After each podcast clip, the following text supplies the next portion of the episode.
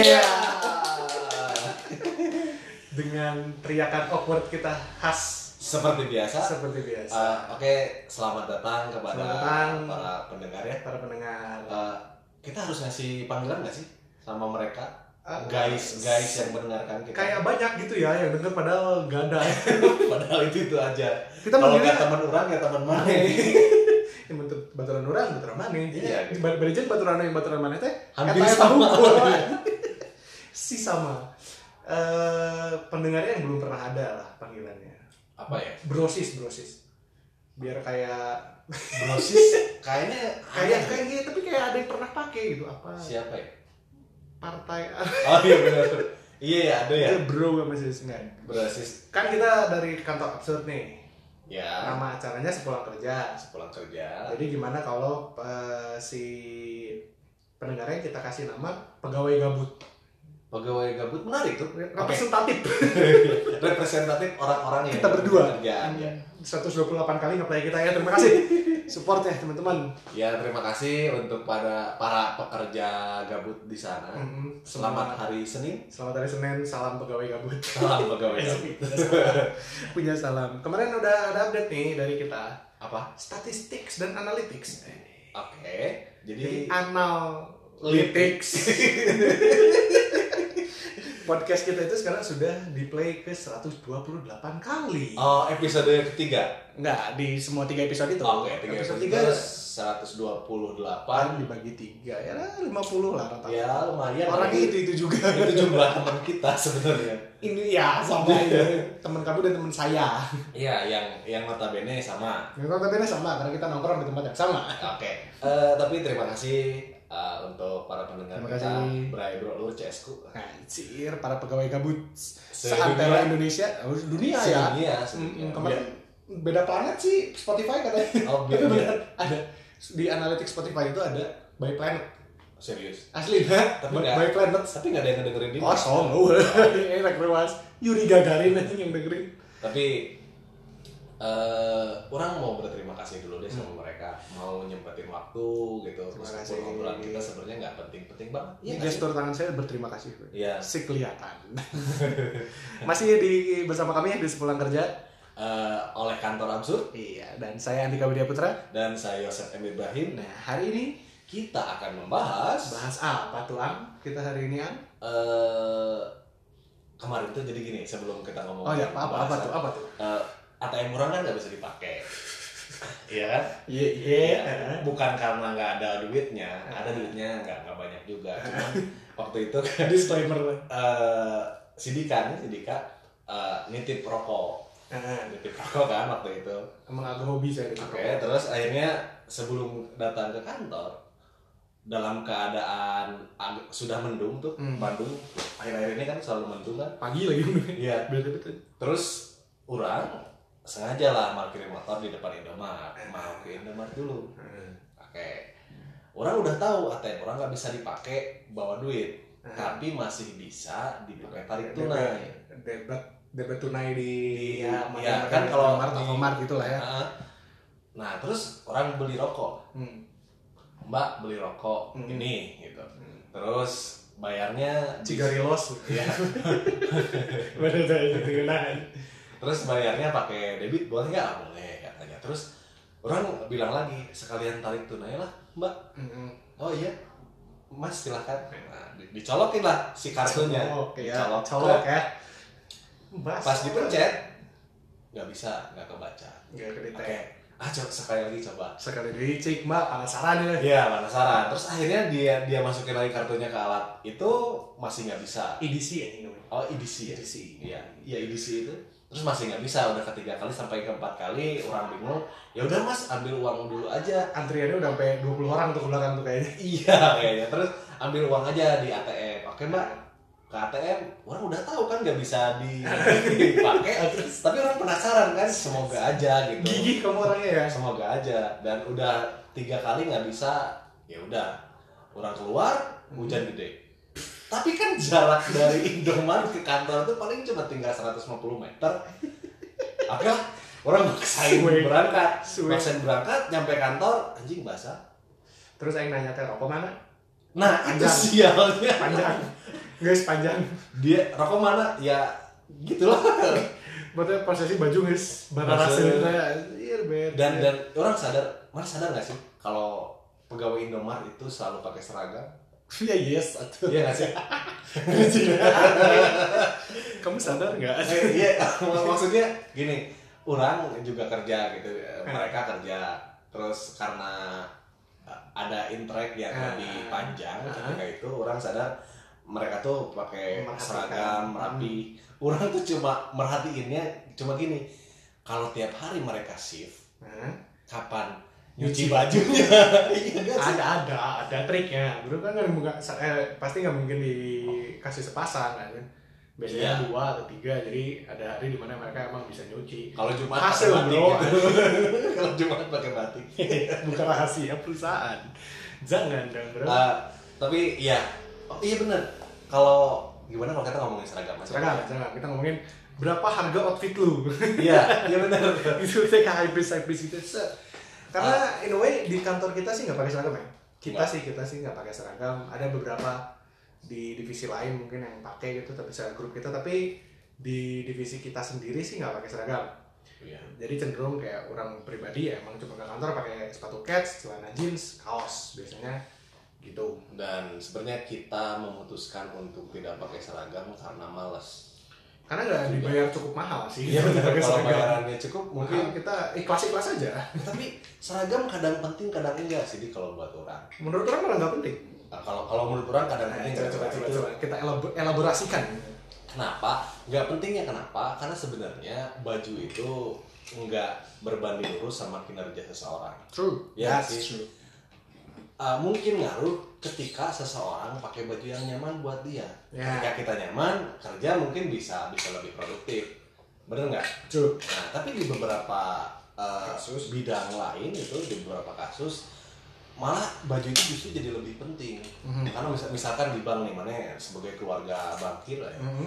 uh, biasanya saya orang-orang sebagai anak bangkir yang mangkir ya benar itu menarik banker yang mangkir dibikin kaos dibikin kaos bagus Nah, ya balik lagi ke soal seragam. Nah, di bank itu sendiri eh, orang punya beberapa temen yang yang kerja di bank dan dia ada yang jadi teller, ada yang Eh. jadi customer service gitu di depan. Mhm. Mereka selalu tampak rapi ya nggak sih? Si Hmm. A-nya rapi gitu, grooming gitu, si sekretarnya rapi juga kalau pakai kerudung sangat clean, necis gitu, necis gitu. Nah, itu jadi penting kenapa? Karena kadang uh, kita sebelum melihat hal lain, kita melihat dulu penampilan. Mhm. Dan kalau uh, hubungannya sama jasa, otomatis yang di treat itu langsung ke orang kan. Mhm. Kalau kita beli barang, mah kita langsung beli barangnya aja, nggak Mhm. yang produksinya nggak tahu. Tapi kalau beli jasa, bank itu kan salah satu jasa. Hmm. Dagang duit. ada mana bang? Dagang duit, riba, riba. Ngomong ria. Sih salah. sih salah. Ya itu itu jadi penting gitu kalau menurut orang. kalau dari sisi orang sih ngelihatnya gini ya. Kalau kalau ngomongin baju dia kan produk budaya. Ya. hasil dari dialektika yang begitu panjang oleh sebegitu banyak orang. Pertanyaan orang sederhana sebenarnya. Kalau dulu bajunya King Louis ke 19 begitu kenapa sekarang nggak gitu itu karena ada negosiasi Nah, sebenarnya. karena ada dialektika kan, ada Iya, dialektika yang dialektika. terjadi. Kalau dulu tahun 19 zaman Perang Dunia ke-1, cewek harus pakai rok kurung sepanjang-panjang itu terus direvolusi sama Coco Chanel. Coco ah. Chanel. Chanel. Coco Chanel itu pokoknya eta lah dan direvolusi jadi lebih pendek. Eh, berarti kan sekarang ada shifting perubahan terhadap terhadap baju itu sendiri Iya. dan sekarang makin makin lama makin masif even jeans asalnya untuk para miners gitu sekarang dipakai untuk sehari-hari berarti nggak rigid kan Nggak ribet. urusan baju tuh nggak rigid Urusan dia dialektik Iya. dan, Dan- dan Dan sebenarnya kalau ngomongin gak rigid, kalau kita lihat pegawai bank yang yang pakaiannya seperti itu, kantor Hmm. banget, Hmm. uh, kalau pekerja white collars lah orang Nah. nyebutnya gitu, uh, rapi banget, mungkin seribu tahun ke depan pakaiannya akan jauh lebih berbeda. Hmm. Misalkan pakai uh, kaos pantai atau Hmm. kemeja pantai yang jauh lebih kayak cing kasual. mana masuk masuk kayak ketemu Gabriel Iglesias mana nggak pernah lihat ya Enggak. ada stand up comedian menuju Hawaii ya Oh iya yang gitu tuh ya. ceng ceng jet, ceng ceng jet, Iya. yo mana aja. nggak maksud orang adalah berarti sesungguhnya ini premis dari orang ya berarti sesungguhnya tidak ada sebuah pemikiran yang pasti tentang fashion dan kredibilitas atau fashion dan keformalitasan Iya benar. ya kan maksud orang nggak bisa kita semerta-merta oke lah kalau sekarang kondisinya kayak gitu oke oke nggak masalah orang kerja misalkan kalau di industri tertentu dia harus pakai baju tertentu Hmm. Oke, tapi kan itu bukan berarti itu sesuatu yang abadi dan begitu adanya gitu. Kita nggak bisa menutup sebuah fakta bahwa ini nggak semerta-merta kayak gini. Iya emang enggak. Nah berarti kan kepentingannya pun tingkat urgenitasnya Itu. sama tidak penting, eh, sama tidak abadinya Iya. dengan si kepentingan pemikiran itu ya kan? Iya. Jadi simpelnya ketika kita menentukan satu perusahaan memakai satu baju tertentu, Hmm, ada urgensi yang mereka butuhkan. ada konteks yang mereka apply, Iya, ada urgensi yang mereka butuhkan. Mungkin ya dan even orang pun sekarang masih mempertanyakan urgensi itu apa? Nah, urgensinya tadi orang ngomong soal jasa dan dan penampilan. Hmm. Nah, dan dan kita yang kita pahami orang yang rapi, white collars banget Hmm. itu melekat dengan dengan makna profesional. Nah, jauh Ya. lebih profesional gitu. Iya, jadi jadi mereka ingin tampak lebih profesional. Kita nggak pernah tahu kok yang kerja di bank itu udah berapa tahun mungkin Hmm. di bulan pertama atau bahkan dia udah Baru udah udah lama gitu. Tapi gara-gara bajunya sangat profesional, dia Hmm. ngehandle orangnya sangat Jauh lebih profesional. nipu nipu Ya, bukan nipu tapi memanage memanage jadi memanage citra. lebih ke persona mungkin ya. Iya, sebenarnya bisa kayak personal branding atau bisa lebih Iya. ke arah dia representasi perusahaan. Tapi yang yang orang di sini pertanyakan adalah tidakkah profesional itu get the job done? Sebenarnya sih Misal, iya. misal, let's put it in some context. Nah, Orang mau nge-withdraw duit orang.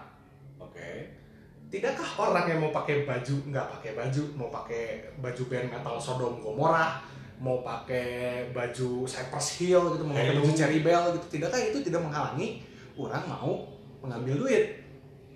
Iya nggak akan. Enggak kan? Ketika Nggak dia bisa, dia punya skillnya untuk melakukan itu. Nah, sebenarnya orang kuliah di itu ya balik lagi ke bahasa itu ya. Cuma orang kuliah di manajemen komunikasi yang memang memanage citra diri Ya, sedemikian. Tapi orang mengerti hal itu, orang mengerti itu mau dilakukan. Tapi orang tidak tidak dan mungkin tidak akan pernah sepakat bahwa itu adalah lambang supremasi atau lambang profesionalisme yang membuat eh, industri ini eh, bekerja lebih baik karena orang-orangnya pakai baju lebih rapi ya itu tuh pemikiran yang sampai sekarang logical forces di kepala orang Iya gitu. benar dah. Emang nggak ngaruh. Kompensasinya soalnya si guru ngasih tahu rambut nggak Ah, boleh gondrong karena eh, itu Ah. nanti kelihatan jadi tidak terpelajar. Nah, itu menurut orang lebih tidak terpelajar Orang yang mengkaitkan sesuatu yang tidak berhubungan sama sekali. Oke, benar. benar. Orang dan dan orang kalau ngomongin soal guru, orang jadi selalu ke trigger gitu. Eh, dan dan hal-hal semacam itu dilakukan terus menerus. Iya. Bahkan mungkin dari puluhan tahun yang lalu. Dan itu dilakukan karena yang orang rasa ini ini harus diperjelas nanti sama sama orang-orang yang yang Jauh lebih meneliti. ngerti. Karena Eh, Nah, itu dikaitkan dengan dengan uh, power akhirnya. Iya kan Nah. siapa yang pegang kuasa, siapa yang merasa menentukan ini rapi, ini tidak rapi, ini, Ini benar, itu kan sampai dan itu berulang kan. Iya, dan dan itu berulang. Jadi Kan rese. iya emang rese. Kalau kita ngomonginnya soal power, uh, pada zamannya uh, penampilan seorang itu ditentukan oleh pemerintah bahkan. Ya taruhlah begini, taruhlah kita pakai logikanya Pram ketika dia bikin eh Apa? tetraloginya itu apa namanya? Ronggeng duku parung Bukan anjir.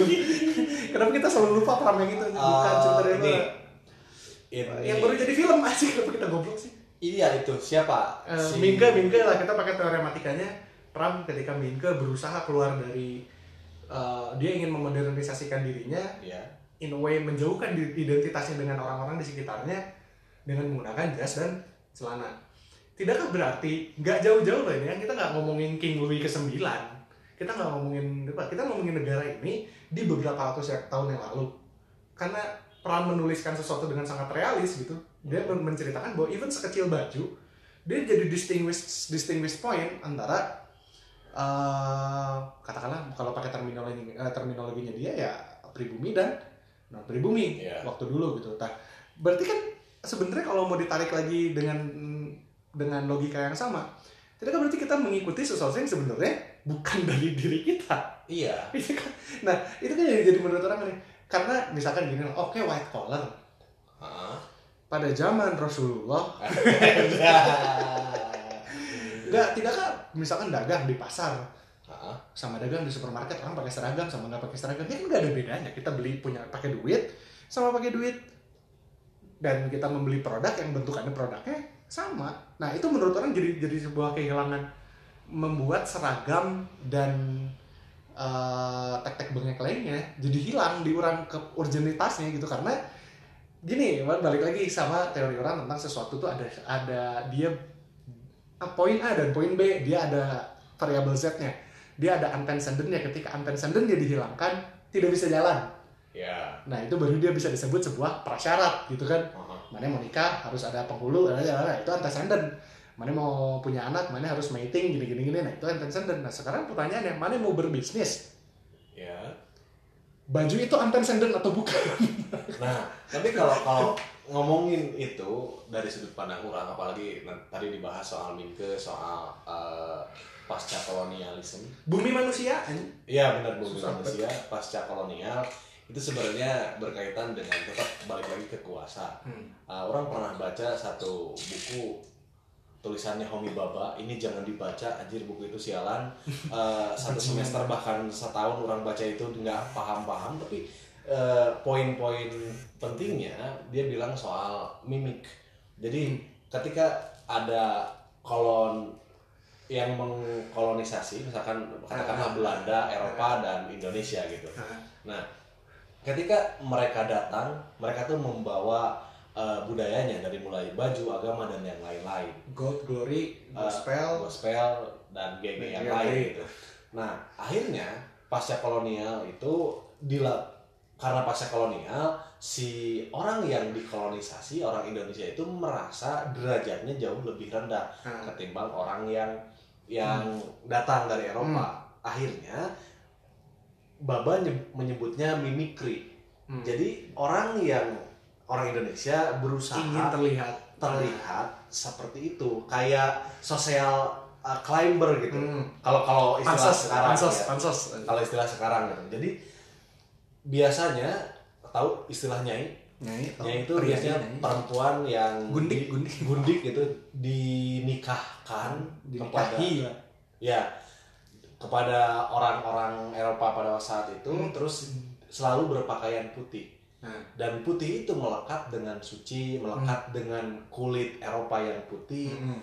dan kalau kalau nanti ngobrolin lebih panjangnya itu era Elisabetan ya warna putih itu 70 seperti 80 apa? Victoriaan Ya, Victorian Victoria. panjang lah itu bakal lebih panjang tapi eh, urgensinya itu ingin menguasai power ingin setidak- setidaknya setara dengan yang punya power gitu Nah. si baju itu nah pertanyaan orang jadinya kan sederhanaan Ah. sebenarnya masih mau mempertahankan pola pikir yang kayak gitu nggak mau mempertanyakankah kita terhadap sesuatu yang yang sebenarnya bukan sebuah antecedent tidak punya urgensi tapi tidak pernah kita pertanyakan gitu kenapa ini jadinya sangat personal ke orang Hah? mana tahu kamu gue orang ya ini ide datang dari dia, ini ide datang dari Bea. Omongan ini tuh semua ide ini tuh datang dari si Bea karena pengalaman pribadinya dia.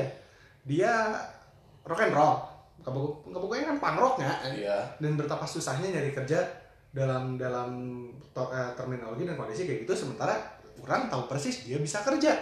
oke Nah jadinya muncul mem- memperuncing lah orang dari dulu selalu punya punya uh, pemikiran yang agak sen, eh, bukan agak sinis terhadap sesuatu yang segala bentuknya penyeragaman.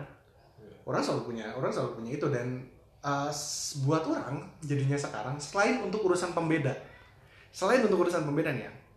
Ini bukan masalah orang bisa adaptasi atau enggak ya. Masalah kan orang kadang-kadang suka mereka kalau protes tapi eh, nggak bisa berarti nggak bisa adaptasi dengan situasinya. Mereka orang bisa adaptasi dengan situasinya. Mau seragam nggak pakai seragam orang bisa mengatur diri orang Iya. sedemikian rupa untuk untuk ada di konteks apa pun gitu. Tapi dalam tatanan pemikiran selain untuk urusan pembeda mana penyedia mana pengguna mana penyedia barang atau jasa mana pengguna barang atau jasa orang nggak merasa ada permintaan urgensi. Berarti yang sebenarnya jadi sebuah antecedent pada kasus itu adalah bisa dibedakan biar orang nggak bingung mana datang ke Indomaret nggak akan nanya ke mang-mang parkirnya Iya, mana akan nanya ke si Si yang pakai seragam itu. tapi even dalam kasus yang sesederhana se- sesederhana sebuah pembeda kan di toko kelontong ya mana mau kasih babaliong Membeli nya aya ke warung di Tenurang Iya. karena famously makanya sih ngeliat bos Iya benar. dan kita tahu yang jual nggak nggak kita nggak nanya ke siapa nggak ke siapa. berarti kan konteks-konteks yang gitu dibangun even balik lagi ke yang dari awal kita bahas gitu ya ketika budaya dan dalam salah satunya pakaian itu dia shifting sama zaman ya lu sekarang kalau mau ngomongin siapa ini yang paling enak yang ngomongin Ah, ah, Steve Jobs doyannya pakai turtleneck Mark Zuckerberg doyannya pakai kaos polos even Iya. orang-orang yang quote unquote sekaya itu Nobita. no, Nobita pakai kaos. Nobita pakai kaos. Dan teman-temannya. di endorse Vitamin kemungkinan karena nggak pernah ganti kaos warnanya kuning. Iya. dan dan tidakkah industri juga sekarang sekarang ya kita udah pernah bahas juga startup. Orang nggak kantor nggak pakai seragam. Even kita making money Iya. tanpa pakai seragam sedikit pun. Berarti kan sebenarnya bisa. Bisa, bisa sebenarnya logis logik logically even bank sekalipun orang rasa ketika tadi pagi orang baca berita Gojek dan Grab akan segera membuka sebuah bisnis bank digital Iya. kan bukan nggak mungkin pegawai bank besok besok pakai jaket Gojek Iya. Eh, iya gimana kan bukan nggak mungkin teller nyatu sama si driver gitu Iya. kan mana jadi bisa transaksi uang di atas 20 juta tapi lewat driver Gojek gitu. Iya bisa kan top up. Nah. Tolong saya aja banget ya. Bapak mau nabung berapa juta tilu karung Iya. deh juragan-juragan di pasar. Top up di saya aja. Nah tidak kan balik lagi poin orang bukan orang ingin siapa pun yang udah kerja di sana. Kalau udah orang dari bank teman-teman orang banyak yang pakai seragam. Do what you do at best. I don't have nothing against you. It's just dalam tataran pemi- pemikiran orang rasa kita berhak mempertanyakan dan berhak menggugat si ini kenapa seperti ini itu kenapa seperti itu gitu. Ya, ya kalau kalau so- soal menggugat semua orang boleh. Bener gak? Jadi radikal gitu. Udah kita demo nggak boleh ada seragam. Iya, semua orang bisa, tapi eh, balik lagi kalau menurut orang apa yang kita ngomongin barusan soal seragam itu sebenarnya melegitimasi kita buat nggak pakai seragam sebenarnya. Karena kemarin bos kita, gimana kalau timnya ini pakai seragam ya? aja. enggak enggak jangan ngapain karena sebenarnya kalau kalau orang gitu ya kita malah orang berdua sama Dika ke kantor tuh eh, lebih sering pakai kaos dan warnanya hitam. Entah gambarnya apa selalu hitam. Entah tulisannya apa selalu hitam. Entah eh, Kaos homicide bos, saya nggak kantor pakai kaos homicide, betul. ironinya. ngomongin ho- kaosnya ngebahas soal penggusuran taman sari hitam. Nah, dan dan itu sebenarnya menurut orang menghemat waktu Iya kalau orang itu. Karena harus nyetrika. Ya nggak harus nyetrika, nggak harus mikir dan ngomongin lagi tadi orang eh, nyelatuk soal Nobita Hmm. karena hidup Nobita itu mirip sama Mark Zuckerberg. Iya, meskipun dia nggak sekaya Mark Zuckerberg. Doraemonnya si ini siapa sih Andrew Garfield yang meranin nanti. Oh iya benar Ta- Tapi maksud orang eh, hidupnya simpel. Orang sebenarnya punya punya impian untuk menjadi Nobita. Maksudnya bukan jadi goblok kayak Tapi kalau dari perawakan lebih mirip ini ya kamu ya. Giant. Enggak, Doraemon. Maksudnya gini, eh, bajunya sama. Orang sudah terbiasa beli baju murah. Iya, bener hobi banget beli kaos hitam selusin. Iya, Ah, bener gak ganti baju? Kalau baju yang hitam semua beneran polos, salosin, hidung KB. iya dan dan, kan? dan orang mah merasa itu jalan paling mudah untuk orang menghemat waktu. Hmm. Kalau orang gitu. Kalau ngomongin soal eh, kegunaannya baju hitam hitam itu. Dulu kena kenapa alasannya pakai baju hitam? Karena hitam tuh warna yang sangat Membuat saya kurus sih kalau saya. ya Jelas. buat kurus dan dan kayaknya keren aja gitu. Kalau nggak hitam agak abu dikit gitu. darky darky those gloomy. Ya gitu lah, terlihat kumaha gitu. terlihat, terlihat keren aja gitu. Dan kalau balik lagi ngomongin eh, soal baju orang belinya baju murah meskipun kadang orang pengen tuh jalan-jalan ke mall gitu. Beli Supreme. Beli Supreme, Supreme yang nggak ada nggak sih di mall. 3 juta gitu ya 4 Cing. juta. Tapi dipikir-pikir lagi kegunaannya sama dan orang cuma melanggengkan konsumerisme kalau gitu. Ya nggak sih? Iya Kita, kita orang uh, harus mengakui shit we don't need it itu benar-benar Yeah, terjadi true, Dan and it ba- happened to me. iya dan dan banyak orang melakukan itu. Orang kayak kolektor orang kan kolektor kaos band gitu. Iya. banyaknya yang homicide apa segala macam. Even harganya cuma 150 200 ribu. Karena kalau baju-baju band luar gitu kan orang tiap hari pakai baju band. Ya mostly kalau kayak Motorhead, Black Sabbath gitu udah sampai 300 ribu emang diakui atau enggak ya orang juga membangun si apa konsumerisme itu gitu. Tapi Iya. in my defense gitu ya. Dia identitas orang orang merasa orang fulfilling identitas orang ketika pakai itu. Iya itu hubungannya sama persona tadi. Sebenarnya. Iya kan? Iya nggak sih? Iya iya. Sama kalau orang pakai baju band ah, Ci, ini anaknya band banget. Wah, Ci, ini anaknya Black Sabbath, padahal dengerinnya Twice. Gitu. dengerinnya Ah, Korea. Twice. dan, dan balik lagi ngomongin konsumerisme orang eh, banyak banyak nonton berita bah- bahkan tadi Ya. orang nonton The Economist ngebahas soal waste baju Ya, gitu. Eh, ada istilahnya tuh apa sih? Fast, fast food eh fast food fast, fast face fashion. fast fashion Face, lah. ya, fast fashion lah. fast fashion lah. Jadi kita tuh terbiasa membeli baju murah.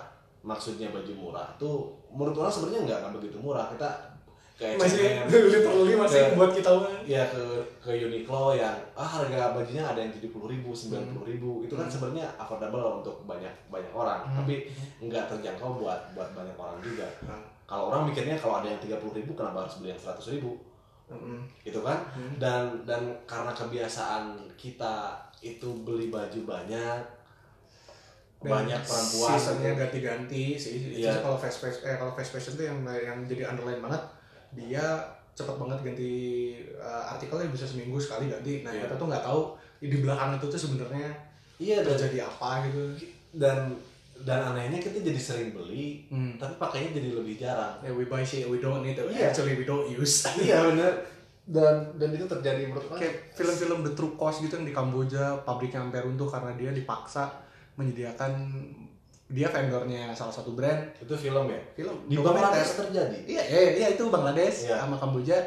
Vendor-vendor negara dunia ketiga yang emang bisa menyediakan pekerja murah disiksa habis-habisan sama brand itu untuk bisa menyediakan uh, baju-baju yang cepat gitu tercepat banyak kuanti eh, kuanti quantity sekali lagi kalau lo orang mau beli silahkan. Tapi juga menutup fakta bahwa hal itu kejadian juga menurut orang asshole sih. Iya dan. Orang orang sebenarnya sebel sama influencer influencer No, oh iya ini ini penting. open war nih kita Ini- pansos kita pansos. Iya, ya Ah, yang yang selalu ngomong eh, eh, orang sekarang pakai baju ini dari ini harganya segini. Hmm. nanti balik lagi ke ke, ke ngomongin hal-hal yang nggak perlu sebenarnya. Hmm. iya nggak sih? True. dan dan orang kita kan selalu wah orang baru beli baju di Zara orang baru beli baju Kayak- di nyebut-nyebut Zara sakit Iya. hati. Terus ada ada yang ngomong orang beli baju di apa gitu merek-merek orang nggak begitu paham. Eh, eh, ini eh, Balenciaga. Ya kan? eta lapo kena dan apa yang mereka jual 400 ribu satu kaos atau bahkan lebih gitu itu cuma yang yang diambil sama buruh-buruh di Bangladesh atau Hmm. bahkan di Indonesia itu juga terjadi itu nggak sampai 10 persennya loh enggak enggak nyampe bikin baju persen aja paling mungkin berapa dua sampai tiga gitu. persen lah iya kan Hmm. dan menurut dan itu menyakiti kemanusiaan dan untuk alasan yang sama ah, in a way kenapa orang selalu pakai baju homicide kenapa selalu beli kalau Ya. ada kesempatan meskipun susah bos sekarang jadi barang Langka, jadi ya? barang oh ya ya terserah lah namanya hype tapi orang selalu tahu orang ikutin babak pucok homicide Ya. sebagai junjungan gitu dari sekian lama dan orang tahu bahwa setiap dia ngeluarin artikel baju itu pasti untuk kegunaan praktis uh, teman-teman di titik api biasanya, Ya, biasanya. Uh, kalau mereka misalkan butuh ini butuh apa butuh operasional buat uh, ngebantu teman-teman yang digusur di mana butuh uh, lembaga bantuan hukum apa butuh operasional mereka bikin sesuai jumlah yang mereka butuhkan itu kenapa kadang-kadang jadi rare jadinya karena mereka cuma bikin ya segitu even so uh, orang masih bingung mencari sebuah justifying reason bahwa jadinya sekarang hype jadinya rare jadinya apa tapi in, in some other orang nyaman mengetahui bahwa baju yang orang beli setidaknya nggak dikisah banyak orang Iya. Semuanya dari dari titik situ dulu dan lebih ironis lagi kalau teman-teman mungkin yang ada yang ngikutin homicide lebih kocak lagi kejadian kemarin orang datang ketika salah satu klien nggak klien sih salah satu grup dalam perusahaan kita ada mogok kerja Iya. terus orang datang pakai baju homicide itu harus merasakan perasaan orang ya anjing ini nah, Iya. makin makin meruncingkan pemikiran orang bahwa anjing saya nggak berguna anjing karena eh, sebenarnya baik nggak sih orang menjunjung sebegitu tinggi jaket aing homicide jeroan aing homicide anjing, kaosnya. dan datang ke acara pemogokan yang orang harus berdiri di sisi manajemen. anjing kan hmm, kenyang bos. Anjing di leher bos. Enak itu itu itu ironik parah sebenarnya. Da, itu ya, gimana nyari duit kok ke mana mana mana harus tahu lah, kalau kita ngomongin fast fashion, eh, set- setidaknya per tahun eh, dari banyak brand seluruh dunia itu orang nonton di di data. orang nulis ya, Oke. itu sekitar 80 miliar pieces baju per tahun yang diproduksi. Dan kalau kita iya serius serius. Dan kalau kita ngomongin uh, di Inggris aja itu sekitar 30.000 ribu ton jadi sampah per tahun. Tapi untungnya di Inggris ada ada sistem ada recyclingnya sistem recycling. recy- mau dibuang ke negara dunia ketiga dijual lagi jadi mahal Iya itu recycling. Iya itu recyclingnya tuh kalau nggak dikirim ke Afrika itu Tapi ke, jadinya ke Asia. lucu gitu. aja ketika yang diproduksi di sini brand-brand macam mahal mahal gitu terus ketika dibalikin ke sini jadi rare jadi item juga ini kayaknya nggak oh, ada yang nggak paham sih di sebelah sana sih Iya, itu, itu kan aneh ya sih. Hmm. Yang tadinya sampah di sana dibuang ke kita, terus kita bikin market. Iya ada Oh, ini rare. value added Iya. yang men- memuakan lainnya ini menurut aku. Bahkan akhirnya jadi lebih mahal. Menurut Aing itu kesia-siaan. Kenapa sih nggak beli baju yang 30 Seru sih, saya kayak apa? orang pernah cerita dikasih oleh-oleh Mekah Ya. sajadah pasti tinggali made in Cigondewa aja sekilometer itu kudu ka Mekah heula mana kurang langsung ka Cigondewa ti kopo anjing da deukeut iya, itu, itu Jenaka. aneh gitu. Itu, itu bisnis memang jadi seaneh itu. Hmm.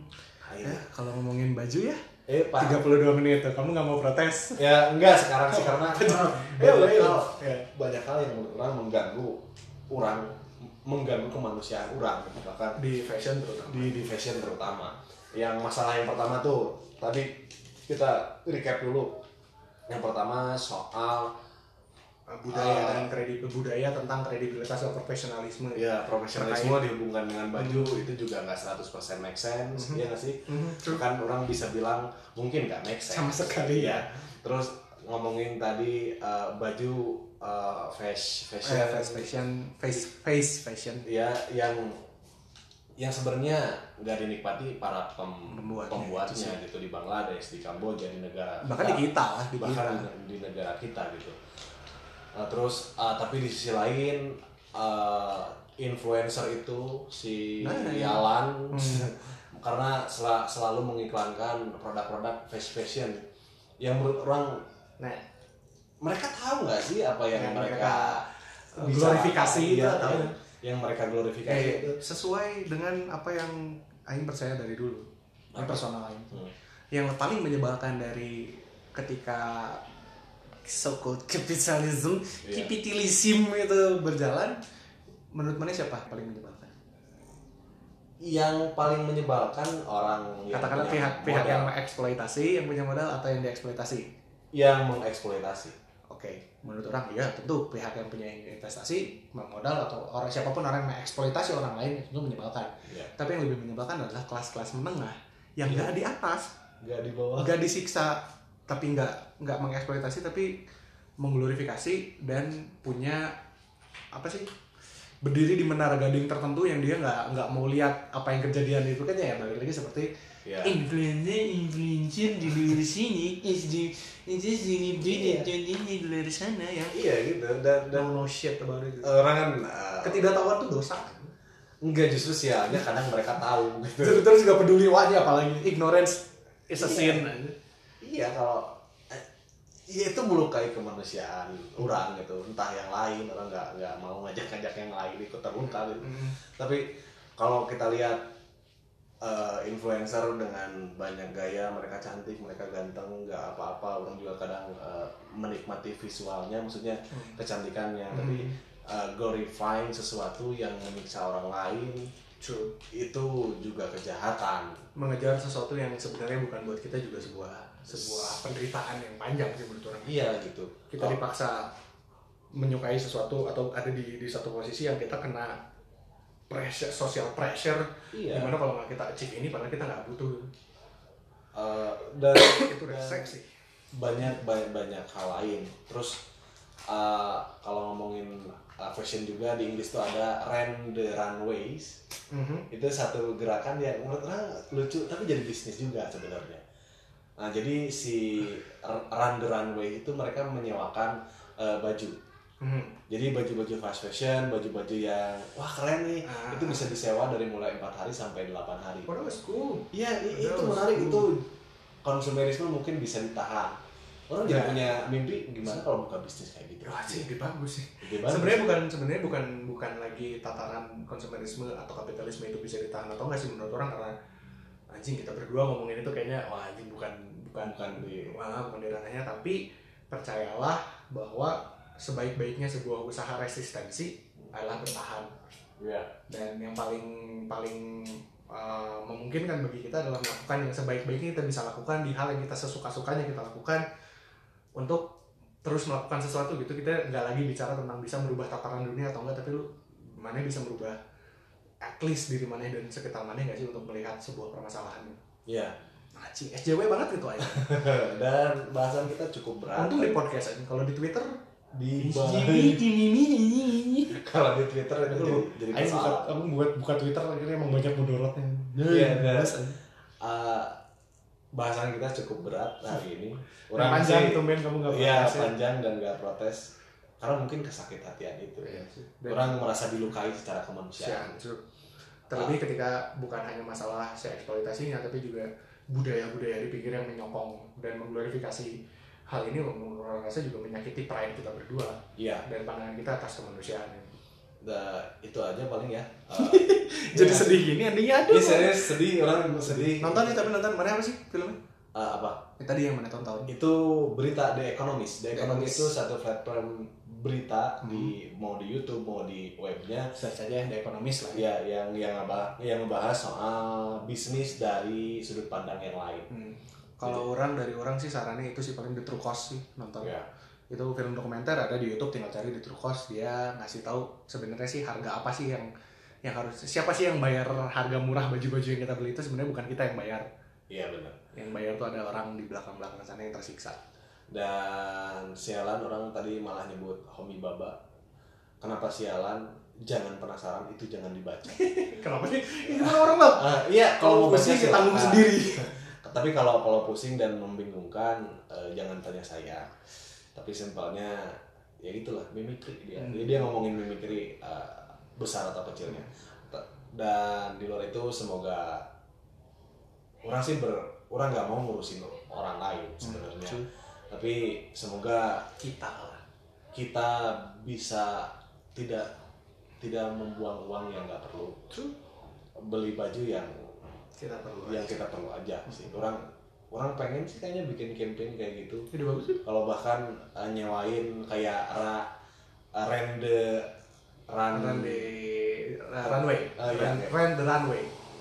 Rende runway itu kayak gitu Kita bikin rent the hype beast. Jadi kalau kamu mau sombong, ketika misalkan mau ngapel atau mau apa, kamu bisa nyewa Supreme ke kita. ya bisa bisa mungkin gitu saat Supreme box bisa 8 juta nih sekarang 10 juta lu sinting sih tuh. ya kita nyedik dulu sinting sih buat orang kita belajar ilmu hitam dulu Belum kalau bahasa benang buah baso anjing di Indonesia masih sok. Di Inggris mah wah anjing. iya benar Orang nyewakan baju anjing benang sekoteng Lotek. anjing lotek. Ah, Anjing, no heset. es warna pink teh ieu mana? Ih, Anjing rudet mun benang baju teh bae. Tapi es wah anjing benang es doger. Iya, ya. ya sih, tapi tapi itu itu menarik. Uh, orang kayaknya ha- harus sudah ditutup deh. Iya, Udah hampir ditutup 40 panjang. menit. Iya. pokoknya pokoknya eh tutupan dari kita kita nggak mau satu dari orang kita nggak orang sih nggak mau kita ada di dunia di mana mana dijudge dari apa yang mana pakai pakai mana bebas pakai apa pun mana bebas mengekspresikan diri apa pun mana be- bebas dalam waktu bersamaan menunjukkan profesionalitas mana sebagai seorang apa pun apa pun Iya. Oke, itu aja paling eh, kalau dari orang eh, orang pengen jadi Nobita, doakan. fuck you influencer ya Eh, enggak sih enggak fuck you influencer enggak apa-apa. Kalian cantik kok, kalian ganteng kok. Enggak apa-apa. Ya manfaatkan itu. Manfaatkan itu. dijual bos dijual cuan cuan cuan Ya. Eh, ya orang pengen semua orang mendoakan saya semoga saya cepat jadi Nobita karena saya bakal mendonasikan baju-baju yang enggak yang enggak saya pakai lagi gitu. Semoga semoga itu aja paling. amin ya saya Andika Budi Putra Saya Yosef M Ibrahim. sampai jumpa di episode berikutnya di Dah. sepulang kerja Sepulang Dah. kerja dari kantor absurd jangan lupa. follow IG-nya follow at kantor absurd dah